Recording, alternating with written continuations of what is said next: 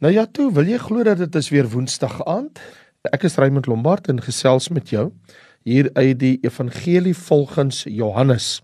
En ons reis wat ons beweeg teks vir teks deur die Evangelie, bring ons nou by Johannes hoofstuk 4 en ek lees vir jou vers 1 tot 9. Toe die Here, dis nou Jesus. Toe die Here dan verneem dat die Fariseërs gehoor het dat Jesus meer disippels maak en doop as Johannes. Alhoewel Jesus self nie gedoop het nie, maar sy disippels, het hy Judea verlaat en weer na Galilea gegaan. En hy moes deur Samaria gaan. Hy kom toe by 'n stad van Samaria wat Sigar genoem word, naby die stuk grond wat Jakob aan sy seun Josef gegee het. En die fontein van Jakob was daar. Jesus het toe omdat hy moeg was van die reis, sommer by die fontein gaan sit. Dit was omtrent die 6ste uur. Daar kom 'n vrou uit Samaria om water te skep. Jesus sê vir haar: "Gee vir my water om te drink." Want sy disippels het na die stad gegaan om voedsel te koop. En die Samaritaanse vrou sê vir hom: "Hoe is dit dat u wat 'n Jood is, van my vra om te drink terwyl ek 'n Samaritaanse vrou is want die Jode hou geen gemeenskap met die Samaritane nie. Ons kan baie duidelik in hierdie gedeelte sien in Johannes se evangelie waar Jesus die skeidsmure afbreek. En ek onthou dat 'n paar jaar gelede was dit vir my en my vrou se voorreg om te reis deur Mongolië waar ek bedien het in Ulaanbaatar, dis nou die suide van Mongolië, naby die uh, Chinese grens tot by Sopater, dis teen die Russiese grens. Ander woorde, ons het daai land bykans die reis van noord na suid. En die een ding wat vir my baie verbasend was van Mongolië is Mongolië se kerk is van die jongste in die ganse wêreld. Want jy sien dat daar 'n sekere dele in die wêreld waar die evangelie skaars nog steeds sy merk nie kon maak nie. En James Gilmore wat 'n sendeling was in Mongolië, skryf later in sy lewe hierdie hartverskeurende woorde: In the shape of converts, I have seen no results. I have not, as far as I am aware, seen anyone who even wanted to be a Christian. Nou God dank, hy was 'n sendeling in Mongolië dat voor sy dood Na 'n lewe van getuienislewering in Mongolië het hy dank die Here twee bekeerlinge in die hele land gesien van Genghis Khan. Nou vandag het ons hier 'n verhaal waar die Here Jesus by 'n sekere stad van die Samaritane kom en hy maak hom tuis by 'n waterput, 'n fontein. En nou moet ek vir jou vertel dat hierdie is nie 'n fontein soos ek en jy 'n fontein ken wat loop met water wat stroom nie. Hierdie was eintlik alhoewel die Bybel praat van die fontein of die put van Jakob waarin die sand diep afgegrawe is in die grond om water te laat deursyfer sodat 'n mens 'n houertjie kan laat afsak met 'n tou tot onder om dan water te skep. Maar kom ek vertel vir jou 'n stukkie geskiedenis. Het jy geweet dat die land Israel is maar 180 km lank van noord na suid. Ek bedoel dis so ver soos van Kaapstad na Touwsrivier of so ver soos nie eers van Kaapstad tot Swellendam. Nou indien jy van Jerusalem na Galilea reis, dan beteken dit jy reis van die suide na die noorde. Dan moet jy by die stad Samaria verbygaan. As jy dit doen, is jou reis na Noord-Galilea 3 dae. Sou jy kies om die stad Samaria te vermy, dan moet jy die Jordaan twee keer kruis en dan gaan jou reis jou twee keer so lank neem, bykans 6 dae. Nou lees ons hier in die woord staan en hy moes deur Samaria gaan toe hy nou Judea verlaat, daar van Jerusalem se kant af en hy gaan terug noord na Jerusalem toe. So Jesus en sy disippels kies die kortste reguit moontlike pad wat hulle kan neem. 3 dae reis. Net een probleem. As jy daai reis onderneem, dan moet jy deur Samaria gaan. En tussen die inwoners van Samaria en die inwoners van Jerusalem is daar al meer as 400 jaar 'n bitter twis. Want jy sien, Toe Israel in 720 722 voor Christus in ballingskap weggevoer is, dis die noordelike koninkryk. Toe het die bevolking, die armstes wat agtergebly het in Samaria, het hulle ondertrou met vreemde heidense volke wat die land kom beset het. En nou is hulle, as jy dit so wil noem, baster Jode. So toe Juda wat toe hulle terugkom van hulle ballingskap af geweier het om onder die volke, die ballingskap mense teruggekeer het na Jerusalem, toe die Samaritane sê, "Kom ons help julle bou aan die tempel in Jerusalem." Toe weier die Jode volstrek. En die rede waarom hulle geweier het, as jy na plekke in die Bybel gaan kyk, soos byvoorbeeld in Esra, hoofstuk 4 vers 1 tot 3, dan lees ons die Samaritane verhinder die bou van die tempel. Toe die teestanders van Juda, dis die Samaritane. Dis nou Esra hoofstuk 4 vers 1 tot 3 lees ons. Toe sê hulle: "Maar kom die Samaritane, kom ons bou saam met julle want ons soek ook julle God. Ons offer ook in die dae van Esra, eh, Hadon, die koning van Assirië wat ons hierdie laat optrek het, maar sê Babel, Joshua en die ander familiehoofde van Israel sê: "Ha, ah, dit sal nie gaan dat julle saam met ons 'n huis vir ons se God bou nie, maar ons alleen sal vir die Here die God van Israel bou soos koning Kores die koning van Persië ons beveel het. So toe die Samaritane hulp aanbied met die bou van die tempel, toe wil die Jode niks weet want hulle sê nee, julle is 'n klomp baster Jode en ons wil met hulle niks te doen hê nie. So daar was vir baie jare 'n bitter twis tussen die Samaritane en die Jode wat daar in die suide in Jerusalem gewoon het. So waar vind ons nou Jesus? en die Samaritaanse vrou. Ons vind hulle by die stad van Samaria. Nou lees ons daar. En hy kom toe vers 5 Jesus by 'n stad van Samaria wat Sigar genoem word. Naby die stuk grond wat Jakob aan sy seun Josef gegee het in die fontein van Jakob was daar. So hier kry ons by die put of dan nou ook as jy dit nou so wil noem die fontein, maar inderwaarheid die put van Jakob vind ons hierdie plek. Nou ons lees daarvan in Genesis 33 en ook in Joshua 24 van hierdie stuk grond en hierdie put. So as jy nou Genesis 33 en Joshua 24 lees, dan kry jy nou die agtergrond van hierdie stuk grond by die stad Sigar waar Jakob Abraham, Isak en Jakob waar Jakob hierdie put gegrawe het. So en ons vind op hierdie selfde plek Jesus en 'n Samaritaanse vrou in gesprek. Ander woorde, baie baie jare later. Nou lees ons eeue eeue eeue later. Kom Jesus daar en hy rus by hierdie put van Jakob. En hy begin die gesprek deur aan die vrou 'n versoek te rig. Nou dit's al klaar 'n baie vreemde ding dat 'n man eerste gesprek met 'n vrou sou begin het want hy sê vir haar in vers 7 daar staan hy het sommer by die fontein gaan sit dit was omtrent die 6 uur is 12 uur die dag is op die hitte van die dag is warm.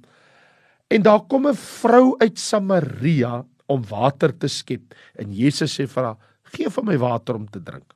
Nou hierdie vrou is stom van verbasing. Toe sy uiteindelik 'n woord uitkry is haar woorde maar hoe is dit dat u wat 'n Jood is van my 'n Samaritaanse vrou water vra. Daar's min stories wat 'n mens so aangryp soos hierdie een in die Bybel want eerstens Jode en Samaritane praat nie met mekaar nie. Hulle sit geensins om dieselfde vuur nie. In hierdie gebeurtenis toon aan ons die realiteit van Jesus se mensheid.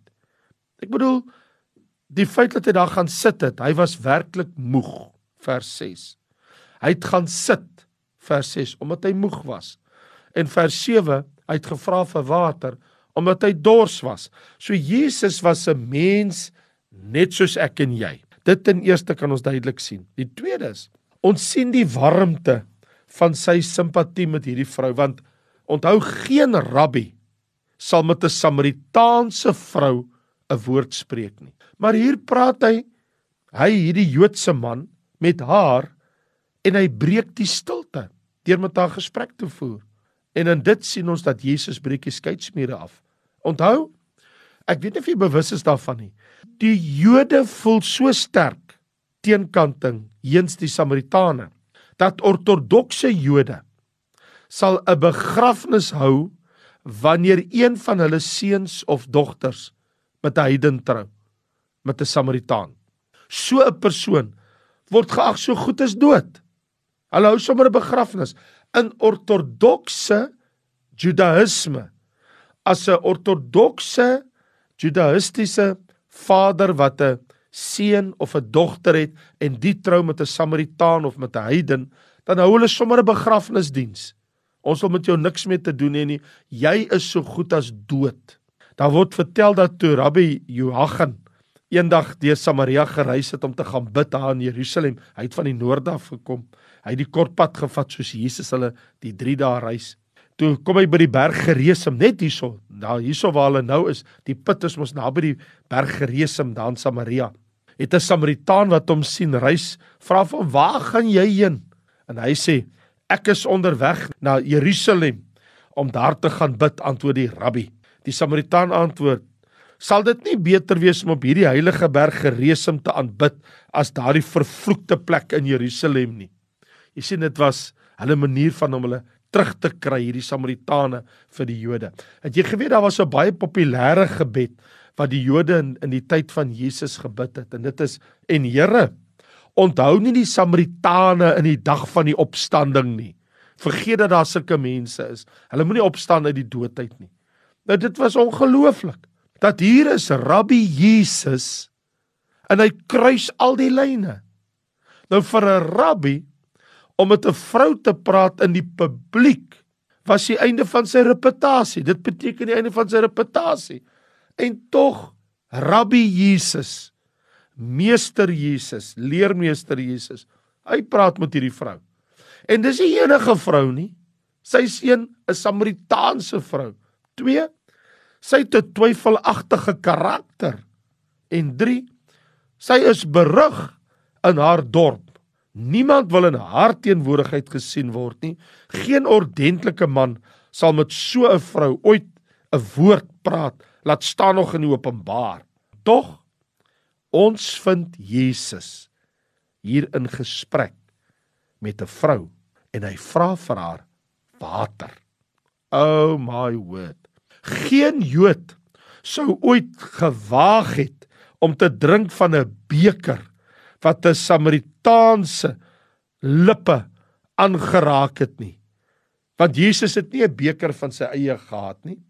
Ons lees mos in vers 27 En op daardie oomblik het sy disippels gekom en hulle verwonder dat hy met 'n vrou in gesprek was. Net die feit dat hy met 'n vrou praat, maar Jesus vra vir haar water. In ander woorde, sy moet vir hom uit haar beker, uit haar skepding vir hom gee om te drink. Nou, vir 'n Jood was hierdie 'n ongelooflike verbasende gebeurtenis. Hier is die seun van God, Jesus ons Here, Hy's moeg van 'n reis. Hy's dors. Hy sit by 'n fonteinput water.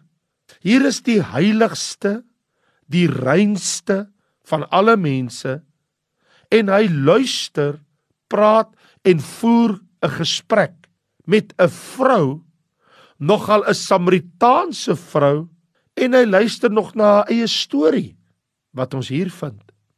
Hier sit Jesus langs die pad en hy breek deur al die skeidsmure van nasionaliteit, etnisiteit, ortodokse Joodse gewoonte. Hier sien ek en jy die begin van die universaliteit van die evangelie nuus. Jesus vertel haar hier in vers 22 lees ons steeds so 'n stuk 4 dat die saligheid is uit die Jode. Hy deel met haar oor saligheid. Hier sien ek en jy by die put van Jakob die liefde van God tentoongestel. Nie in teorie nie, maar wel in praktyk. Want die realiteit is elke mens wat ek en jy ontmoet sal vir ewig lewe. Of as 'n heerlike verheerlikte mens eendag of as 'n vreeslike bejammeringswaardige verlore siel in die ewige hel. So nou kan ek vir jou sê as ons na hierdie gebeure kyk in Johannes hoofstuk 4. Laat ons dit sê soos dit is. Daar was 3 bykans onoorkombare struikelblokke wat in die weg gestaan het van enige betekenisvolle kontak tussen hierdie Joodse man Jesus en hierdie Samaritaanse vrou. Die drie groot struikelblokke, kom ons noem dit skeidsmure as jy dan nou wil. 1 is ras, bevolkingsgroep. Elke Jood weet die Samaritane is 'n bastervolk. Want as jy na 2 Konings 17 gaan kyk in vers 24 en selfs daarvan vers 25, né, tot 29, dan lees ek en jy hierdie vreeslike woorde want vir hulle is dit 'n 'n vreeslike ding wat gebeur het. Ek verwys nou na die na die Joodse volk in hulle geskiedenis. Want ons lees in 2 Konings hoofstuk 17 vers 24. En die koning van Assirië het mense ingevoer in die plek van die kinders van Israel. Hy het hulle in Samaria in besit laat gaan en hulle stede bewoon. Nou lees ons dat hy het van ander volkere van uh, uit Babel, uit Kita, uit Awa, uit Hamat in Sarfaim het hy mense ingevoer om te gaan woon in die stede van Samaria. So was 'n doelbewuslike poging van die koning toe hy die volk weggevoer het, toe bring hy ander volke en hy gaan sit hulle daar neer en hy sê nou bly julle net hier en julle woon hier in hierdie plek. So hy wou die hele Joodse ras, hy wou die hele Joodse volk eintlik tot niet maak. So Jesus moes hierdie struikelblok oorwin die skeidsmuur afbreek in sy gesprek met hierdie vrou. Dit maak nie saak van watse volk, watter etnisiteit, watter bevolkingsgroep jy is nie, jy het ook die Here Jesus nodig. Alle mense het hom nodig. Die tweede struikelblok, behalwe die bevolkingsgroepe wat ons hiermee te doen het, die Samaritane en die Jode, die suide uit, het ons die teenoorgestelde geslag. Want die rabbies het gefrons. Indien 'n man met 'n vrou in die publiek praat selfs as 'n man met sy eie vrou gepraat in die publiek dan het hulle oë groot gemaak.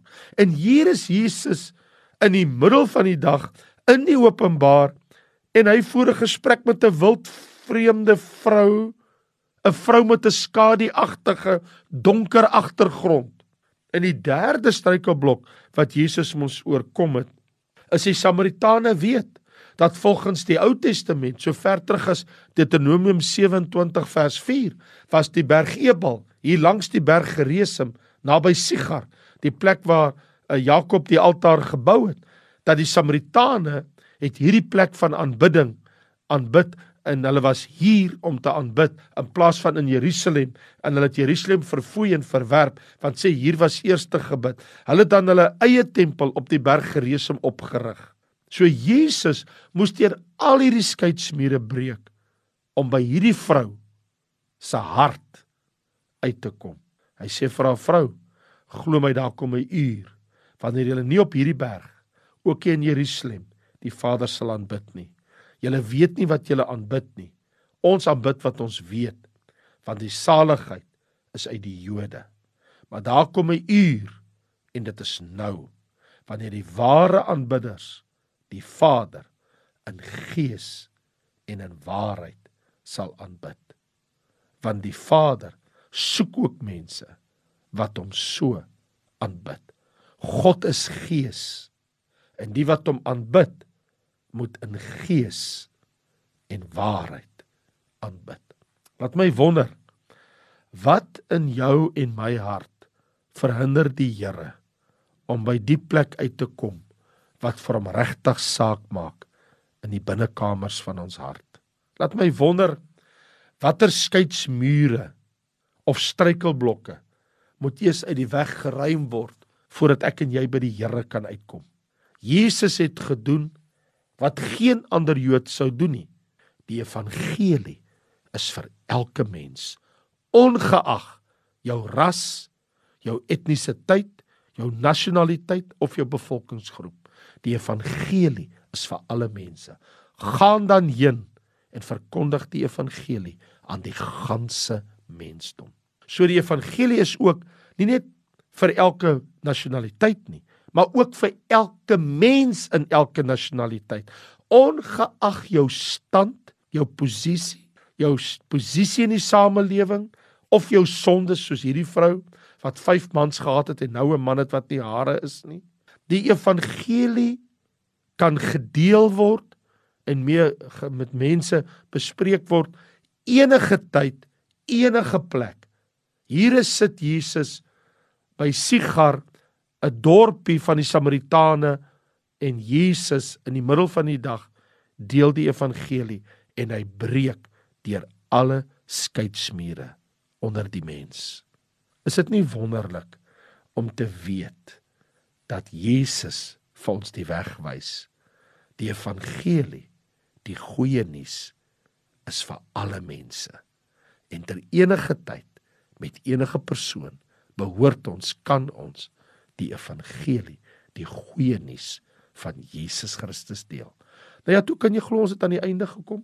Ek groet vir jou. Ek is Raymond Lombard en ja, volgende week kuier ons weer. En ja, onthou Sondag aand praat ek weer met jou uit die woord van die Here wanneer ons besig is met ons reis deur die boek Hebreërs. Groete, seën en liefde daar.